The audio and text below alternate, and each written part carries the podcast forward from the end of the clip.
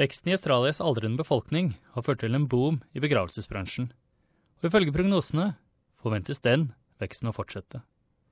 Men selv om begravelsesindustrien virker å være sikker mot lavkonjunkturer, sier mange mindre aktører at de sliter med lave marginer pga. konsolidering i bransjen. Døden er en visshet for alle, så det vil være naturlig å anta at å drive et begravelsesbyrå vil ha både langsiktighet og stabilitet. Men Celebran Sal Chevola sier konsolidering gjennomført av den globale giganten Invocare, som har kapret nesten halvparten av markedet i Australia, gjør det vanskeligere for mindre uavhengige byråer som Mannings Funerals i Sydney å drive med lønnsomt. It's because they own such a huge percentage of the market, it gets to the stage where they are the market. We're just the peripheral. I have reason to believe that they probably have secured Australia wide anywhere up to 90% of the market. Siden børsnotering i 2003 har Invocare kjøpt opp ytterligere 200 bedrifter, og aksjekursen er mer enn tidoblet. Men selskapets chief operating officer, Greg Bisset, tilbakeviser alle påstander om at de presser ut de uavhengige aktørene. There are over 900 funeral operators in, in Australia, so when people say that Invocare has a stranglehold in the market, that's, that's not quite true. I fjor tjente Invocare mer enn 400 millioner dollar og hadde en 25% resultatmargin. Delvis hjulpet av at de eier infrastruktur som krematorier, likhus og kirkegårder. Det å kontrollere forsyningskjeden er en bedriftsfordel bransjeorganisasjoner sier er med på å legge press på de mindre operatørene. Dale Moroney er styremedlem i den uavhengige industriorganisasjonen The Australian Funeral Directors Association. When you look at, on average, about 38 hours of labour per funeral to actually uh, facilitate one, and you look at the price of a hearse, a new hearse being something like a quarter of a million dollars, clearly the margins aren't that, that enormous. Det er ikke bare dyrt å leve i australske byer, det er også dyrt å dø i dem. Den gjennomsnittlige gravplassen starter på 10 000 dollar, og Sydney er i vente til å gå tom for plass på sine kirkegårder i 2050. Det er derfor New South Wales-regjeringen forkortet minimumsleietiden for et gravsted fra 99 til 25 år, et trekk som er forventes å bli gjentatt rundt om i landet.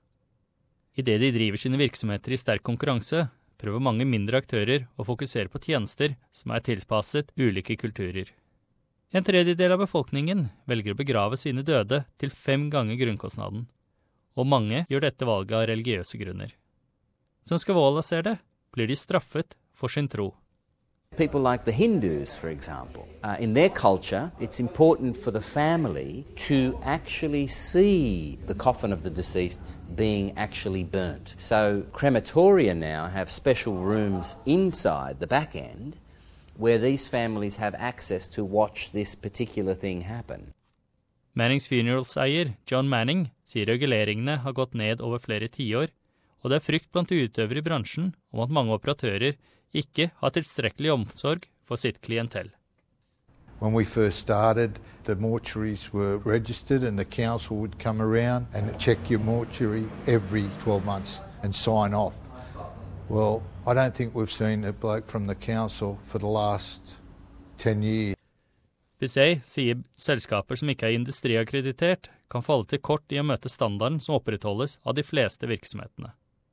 There's some operators who, who do charge a lot less. I think the question that, that the consumer has to ask is how can they afford to, to, to charge less? And what are some of the corner cutting that perhaps could be going on?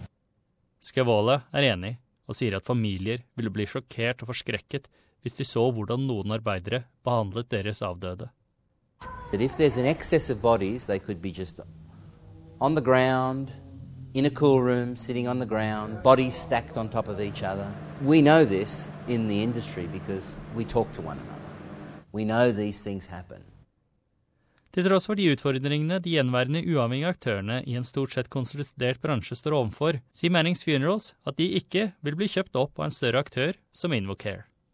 Like uh, most uh, bigger businesses that are trying to gobble up the smaller ones, they, they're um, they'll entice you, they'll try to appease you. Uh, but with an outfit like Manning's, there are no possibilities. This is a family run operation. Du kan også se SBS Small Business Secrets på søndager klokken 17.00 på SBS TV.